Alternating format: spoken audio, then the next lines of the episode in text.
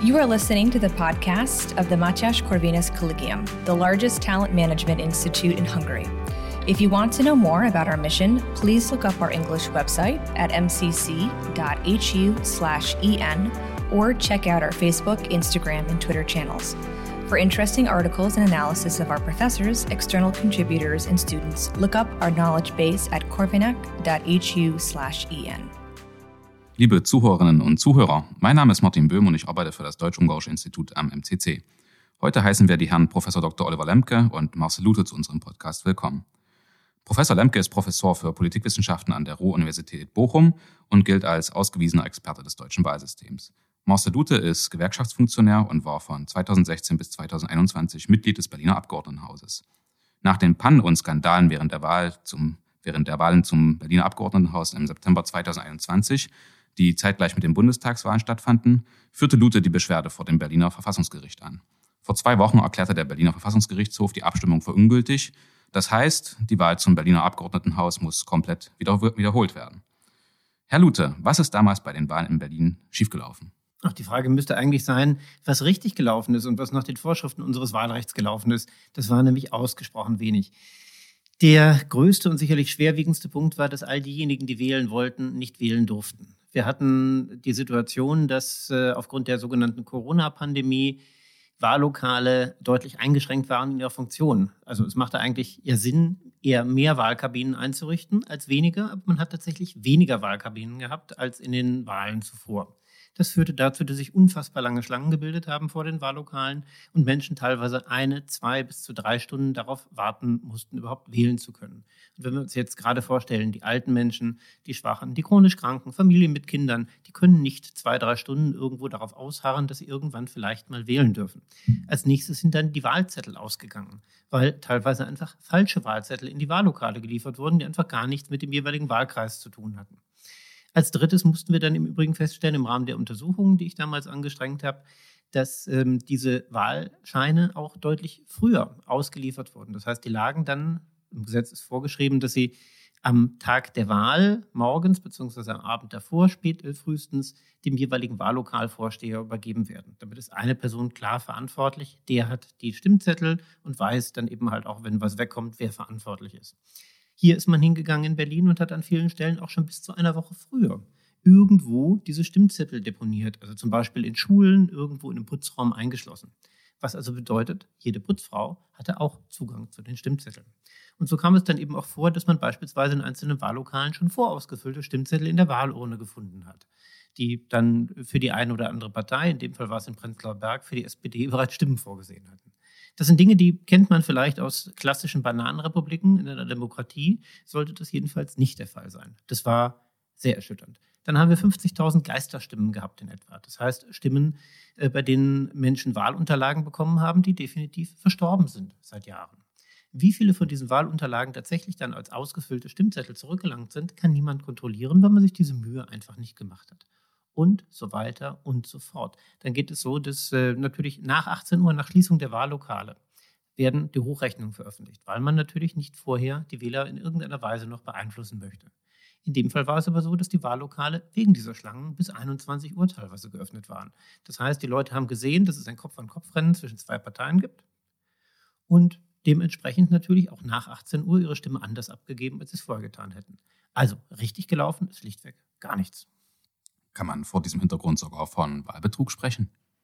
Betrug, also jedenfalls ja im strafrechtlichen oder überhaupt rechtlichen Sinne, setzt zunächst mal Vorsatz voraus und das setzt eben halt auch voraus, dass es ja tatsächlich eine Stoffgleichheit gibt zwischen dem, äh, der, der Täuschung und einem jeweiligen Irrtum. Das haben wir nur in ganz, ganz wenigen Fällen. Da gab es ein Beispiel in Friedrichshain-Kreuzberg. Da hat der dortige Bezirkswahlleiter vorsätzlich falsche Stimmzettel ausgeben lassen über etwa zwei Stunden.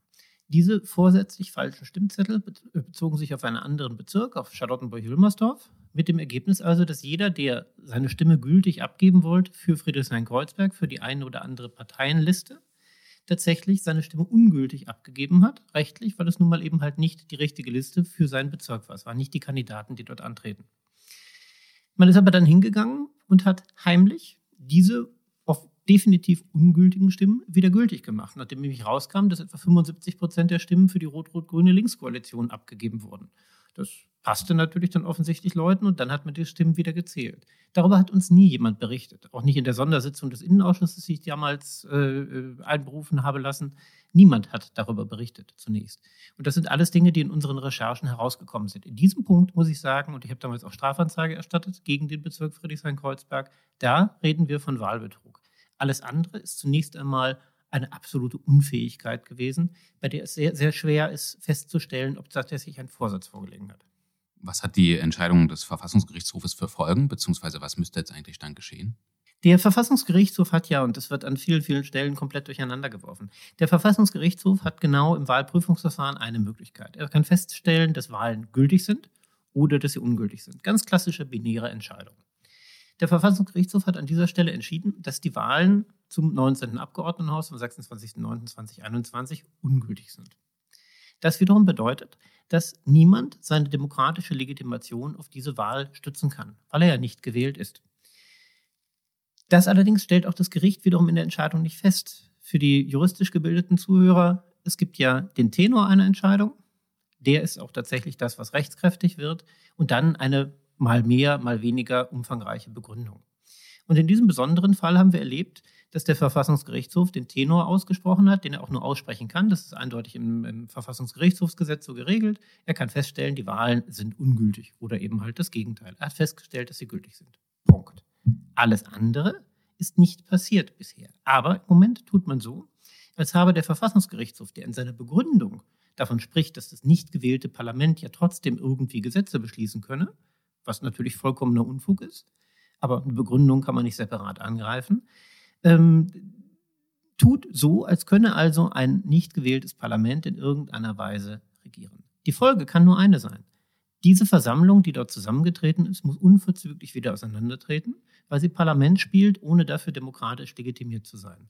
Und da es nun mal keine Zeit ohne Parlament in einer Demokratie geben kann, ist auch da auch die Logik des Grundgesetzes und der Landesverfassung eindeutig, dann ist es eben halt das Vorgängerparlament. Denn jedes Vorgängerparlament ist so lange im Amt, bis ein demokratisch legitimierter Nachfolger kommt. Und den gibt es hier nicht. Weiß man schon, wann die Neuwahlen stattfinden werden, beziehungsweise gibt es auch schon Prognosen, ob sich etwas in der politischen Landschaft Berlins verändern könnte? Es wird gerne behauptet, dass äh, feststünde, dass die Wahlwiederholung am 12.02. kommenden Jahres stattfinden solle. Und ähm, mittlerweile, also wie das immer so ist, ich meine, ich mache jetzt seit 30 Jahren Politik, reden sich die Leute die Köpfe heiß und versuchen zu rechnen, äh, für wen vielleicht ein Mandat abfallen könnte oder für wen nicht und welchen Wechsel es womöglich geben könne. Ich rate da zu einer gewissen Zurückhaltung.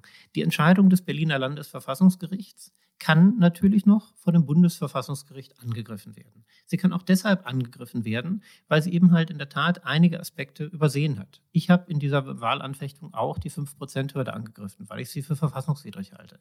Auch das Bundesverfassungsgericht hat 2013 entschieden, dass sie für die Europawahlen jedenfalls verfassungswidrig ist. Darüber hätte sich der Berliner Landesverfassungsgerichtshof in seiner Entscheidung auslassen müssen. Das hat er nicht getan. Und genau deswegen habe auch ich diese Entscheidung jetzt zunächst einmal mit der Anhörungsrüge angegriffen. Das heißt, das Gericht aufgefordert, über diese Aspekte nochmal neu zu befinden. Und bevor nicht das Bundesverfassungsgericht sicher entschieden hat, dass tatsächlich auch die Entscheidung des Landesverfassungsgerichts Bestand hat, halte ich es für eine absolute Idiotie, schon mal zu wählen.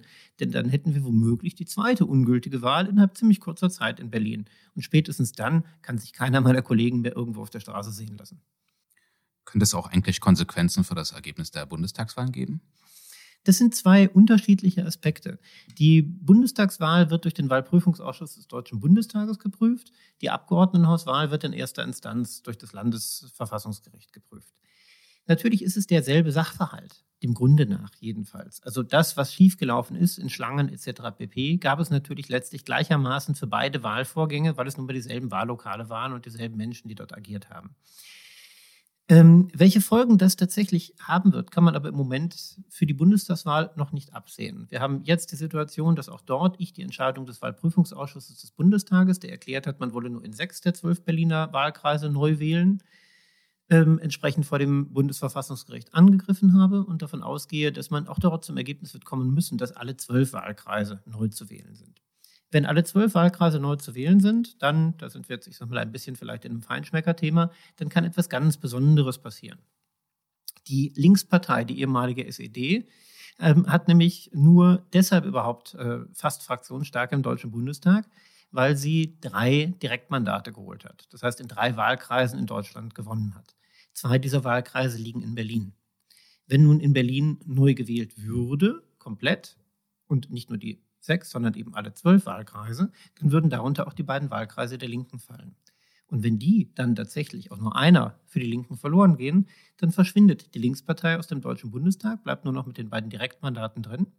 Und gleichzeitig würden die lieben Kollegen aus allen anderen Parteien ebenfalls massiv Mandate verlieren. Denn dadurch, dass die Linken außer der Reihe quasi drin sind, gibt es eine Vielzahl von Ausgleichs- bzw. Überhangmandaten.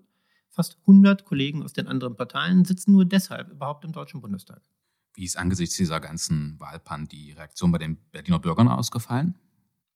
Ich habe sehr viel Zuspruch tatsächlich erhalten, ähm, brieflich, persönlich, vor allem, wenn man irgendwo die Straßen läuft, dass viele Menschen, und das muss ich sagen, macht Mut, gibt Kraft, sehen, was gerade eigentlich mit den demokratischen Prozessen in diesem Land passiert, weil man sich vermeintlich jedenfalls nicht hinreichend dafür interessiert und deshalb ein Pseudoparlament beispielsweise offensichtlich nichts darauf gibt, ob es gewählt ist oder nicht. Die Menschen regt es auf, aber das Problem ist, dass es in der breiten Öffentlichkeit immer noch nicht so angekommen ist, dass auch in vielen Medienberichten zu dem Thema, und ich muss sagen, es ist breit, gerade auch äh, beispielsweise von den Kollegen von Tichys Einblick, breit über diese Skandale berichtet worden. Aber es wird in der Tiefe über alle Medien hinweg, gerade auch über die öffentlich-rechtlichen, nicht aufgenommen, was stattgefunden hat und vor allem auch nicht die Konsequenzen aufgemacht. Wenn wir mit Wahlen so ein Schindluder betreiben können und wenn wir es zulassen, dass es ein Parlament gibt, das für alle verbindliche Entscheidungen treffen kann, ohne vom Volk dafür gewählt zu sein, dann können wir uns Wahlen und damit den Kern der Demokratie sparen. Und das muss einfach den Menschen klar werden. Sie sind Verfasser des Buches Sanierungsfall Berlin, unsere Hauptstadt zwischen Missmanagement und organisierter Kriminalität, das im Mai 2021 in die Buchhandlung kam. Herr Lute, ist es Zufall, dass dieses ganze Wahldilemma gerade im berüchtigten Berlin passiert ist? Das ist eine sehr schöne Frage. Ich glaube gar nicht, dass es nur in Berlin passiert ist. Ich glaube, dass wir über die letzten 30, 40 Jahre immer mehr eine Erosion von Sorgfalt im Umgang mit Demokratie erlebt haben. Wenn ich mir die Qualität des Politikunterrichts anschaue, den ich in der Schule hatte, wenn ich mir die Qualität dessen angucke, was dann jeweils mein Politiklehrer, Jahrgang, ich glaube 1948, für Vorträge gehalten hat, was er noch in der Schule gelernt hat und wie dumm wir doch geworden seien, was politische Bildung angeht. Und wenn ich mir heute angucke, was mein Sohn so im Politikunterricht behandelt, dann äh, glaube ich, dass wir tatsächlich bundesweit eine Erosion des politischen Bewusstseins, des demokratischen Bewusstseins erlebt haben dass da einfach ganz, ganz viel verloren gegangen ist. Und dass insofern diese Schludrigkeit, auch gerade im Umgang mit den Niederschriften aus den Wahllokalen, das muss ja neun Bürger pro Wahllokal, sind unsere quasi, naja, von Verfassungswegen vorgesehene Zeugen dafür, dass alles mit rechten Dingen zugegangen ist. Und als ich mir diese Wahllokalunterlagen angeschaut habe, als einziger im Übrigen, und festgestellt habe, dass mal keine neun Unterschriften, sondern nur sieben darunter sind, mal nur eine darunter ist und mal sogar die zahlenmäßigen Ergebnisse aus den Wahllokalen, aus denen wir ein Gesamtergebnis bilden, teilweise gar nicht unterschrieben sind.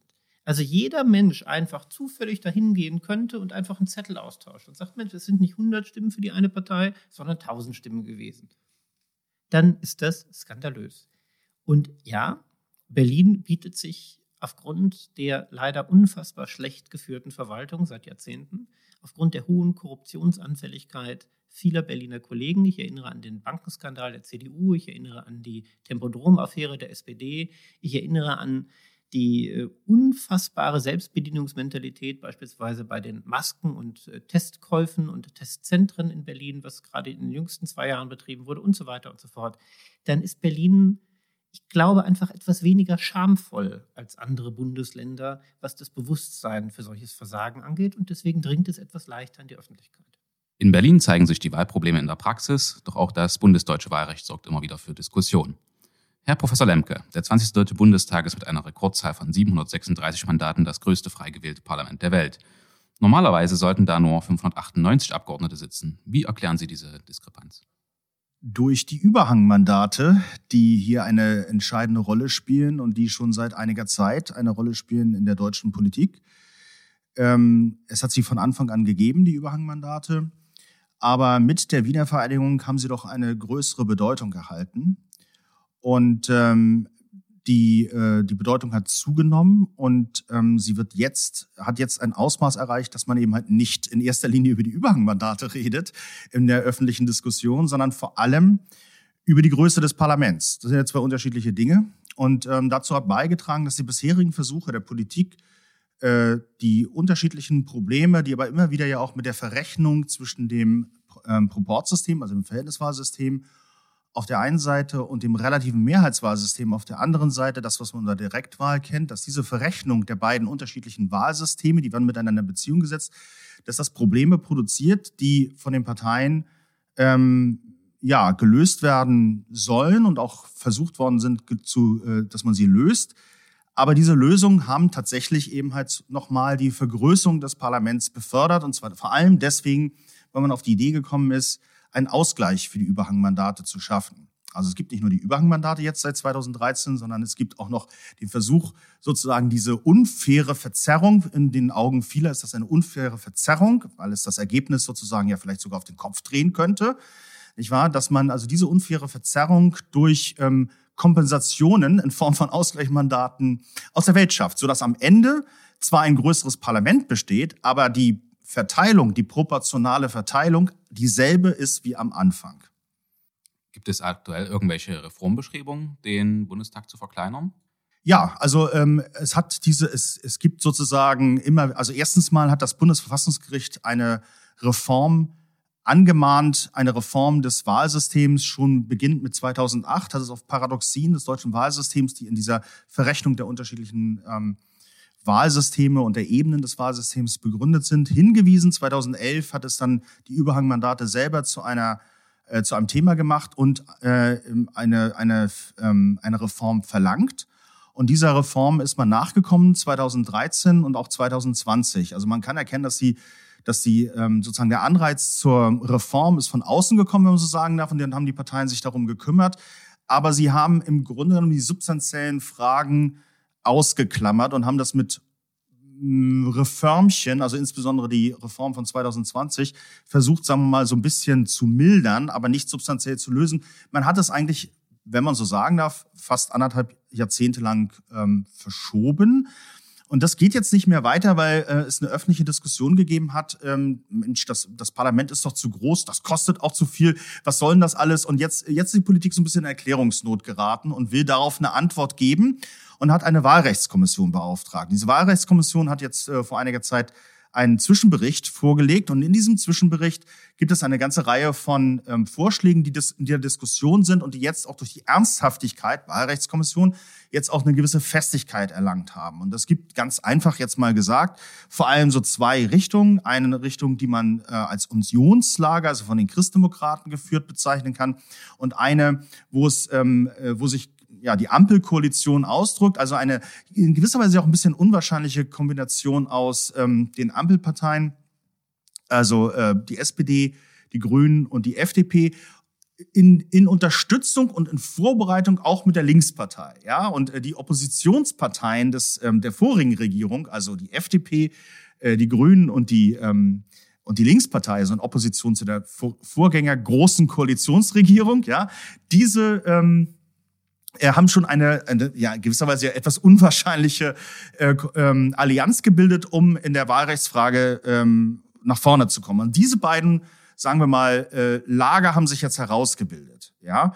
Und ähm, vielleicht soll ich noch ein Wort dazu sagen, was so Gegenstand dieser, äh, dieser Lager sind. Also die, ähm, die christdemokratische ähm, Gedankenspiele, die gehen in die Richtung, im Prinzip die beiden Wahlsysteme zu entkoppeln. Also man entkoppelt das Verhältniswahlsystem von dem ähm, relativen Mehrheitswahlsystem der Direktwahl. Bislang ist es ja so, dass, äh, dass, wenn man so sagen darf, das Gewicht der Parteien, also das heißt die Größe der Fraktionen im Parlament, ähm, durch die Zweitstimme bestimmt wird. Und ähm, die, im Rahmen dieser Zweitstimme und im Rahmen dieser Größe werden die Direktmandate verrechnet. Ganz einfach gesagt, äh, gehen die Direktmandate, die man gewinnt als eine Partei, von der Liste ab. Wenn man jetzt mehr äh, gewinnt äh, an Direktmandaten, als man auf der Liste an Personen durch, nach der Zweitstimme zugeteilt bekommen hat, dann entstehen die sogenannten Überhangmandate. So, und anstatt jetzt durch Ausgleich das Ganze noch zu vergrößern, die Zahl, sagt die Union eigentlich im Klartext, lass uns doch einfach die beiden Sachen entkoppeln. Wir haben, dann wird ein Teil der, ähm, der äh, Repräsentanten wird dann nach der Verhältniswahl, nach der Liste gewählt sozusagen und der andere Teil wird direkt gewählt. Und das ist nun ein Vorschlag, glaube ich, den die ungarischen Zuhörer ziemlich äh, gut nachvollziehen können, denn das scheint mir doch das System zu sein, das im Wesentlichen noch im Ungarn vorherrscht, das sogenannte Grabenwahlsystem. So, und die, ähm, die Gegenseite, ähm, wenn man so sagen darf, also die Ampelkoalition hat ähm, eine ganze Zeit lang und auch in dem Zwischenbericht eigentlich diese äh, Idee fortgesetzt, dass man, ähm, dass man eine Kappung einführt und äh, und ähm, dass man die Wahl äh, ähm, die Wahlkreise, die Zahl der Wahlkreise verringert und so weiter. Das hat immer das Problem, dass das Parlament in seiner Größe nicht fixiert wird, sondern es kann sozusagen immer noch variieren. Und wir erinnern uns, also die Normgröße des deutschen Parlaments ist 598 äh, Mitglieder. Das ist jetzt auch nicht ein kleines Parlament. Es ist gegenwärtig, wie Sie gesagt haben, bei 736. Es ist größer als das Europäische Parlament und bekanntlich ist Deutschland nur ein Mitgliedstaat des Europäischen Parlaments. Da stellen sich Fragen. Und wenn man jetzt mit so Kappungen und so weiter arbeitet, dann ist das natürlich alles ziemlich zufällig. Ne? Und außerdem, wie gesagt, hat man nach wie vor keine fixe Größe. Also man hat so eine variierende Größe des Parlaments. Und ähm, und, und das ist jetzt, also das sind so die beiden unterschiedlichen Lager. Und jetzt hat aber, und das ist erstaunlich, die Ampelkoalition, also nochmal aus, bestehend aus Sozialdemokraten, Freien Demokraten und den Grünen, deren Obleute, das heißt also diejenigen, die im Ausschuss sich mit den Wahlrechtsfragen beschäftigen, das sogenannte Obleute, die haben sich jetzt nochmal hingesetzt und haben nochmal sozusagen etwas strenger nachgedacht und haben einen, einen Vorschlag gemacht, dass man im Grunde genommen ähm, nicht mehr irgendwelche Kappungen bei irgendeinen, irgendwelchen Obergrenzen einführt, sondern man kappt einfach äh, grundsätzlich alle Überhangmandate. Es gibt eigentlich im Klartext keine Überhangmandate mehr. Also ein bisschen was anderes. Also die Normgröße von 598 soll eingehalten werden. Da sind sich die CDU und offenkundig die Ampel in, bei den Obleuten jetzt einig. Normgröße soll eingehalten werden und noch eine feste Größe. Und alle Überhangmandate werden sozusagen rausgekappt. Äh, das ist natürlich ein System, also das beides ist ein, eine Ab eine Abkehr vom System. Deswegen wird man äh, mal sehen, äh, wie erfolgreich das ist. Ein Wort noch ganz kurz zu, dem, äh, zu den Ampelleuten und, und den Vorschlägen.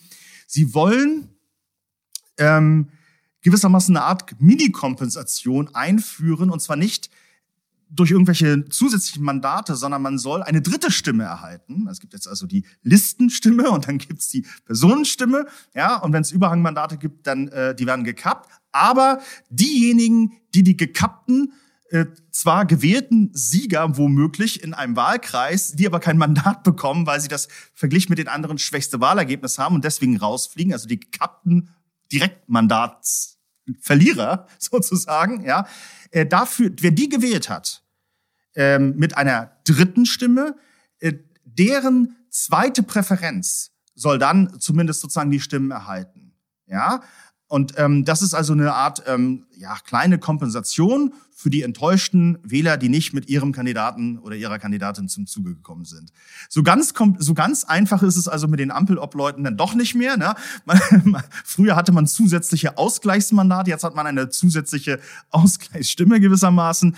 Und äh, der, der Charme äh, der, des Unionsvorschlags liegt natürlich daran, dass er sehr einfach und klar strukturiert ist. Klar. Aber er hat ähm, natürlich auch den, in Anführungsstrichen, Nachteil, dass man in Kauf nehmen muss, ähm, dass äh, es zu Verzerrungen kommt. Nämlich, wenn sie knapp viele Wahlkreise gewinnen, mit also relativ wenig ähm, Stimmen, viele Wahlkreise gewinnen, dann kann es natürlich sein, dass, ähm, äh, dass sie sozusagen mit einer insgesamt geringeren äh, Stimmenzahl mehr Sitze im Parlament bekommen. Und das ist ja das alte Übel in Anführungsstrichen des, von Mehrheitswahlsystemen, an dem sich immer wieder alle Menschen stören, weil sie das als ungerecht empfinden, oder viele Menschen stören, weil sie das als ungerecht empfinden. So, und das muss man bereit sein zu akzeptieren. Wenn man das nicht bereit ist zu akzeptieren, dann wird man dem äh, unionsgeführten Vorschlag nichts abgewinnen können. Sehr geehrter Herr Professor Lemke, sehr geehrter Herr Lute, vielen Dank für das Gespräch. Eine weitere gute Zeit in Ungarn. Vielen Dank. Herzlichen Dank. Thank you for listening to this MCC podcast episode. For further media content, please look up our English website at mcc.hu/en or look for us on Facebook, Instagram, and Twitter. If you want to read more by our professors, external contributors, and students, check out our knowledge base at corvinak.hu/en.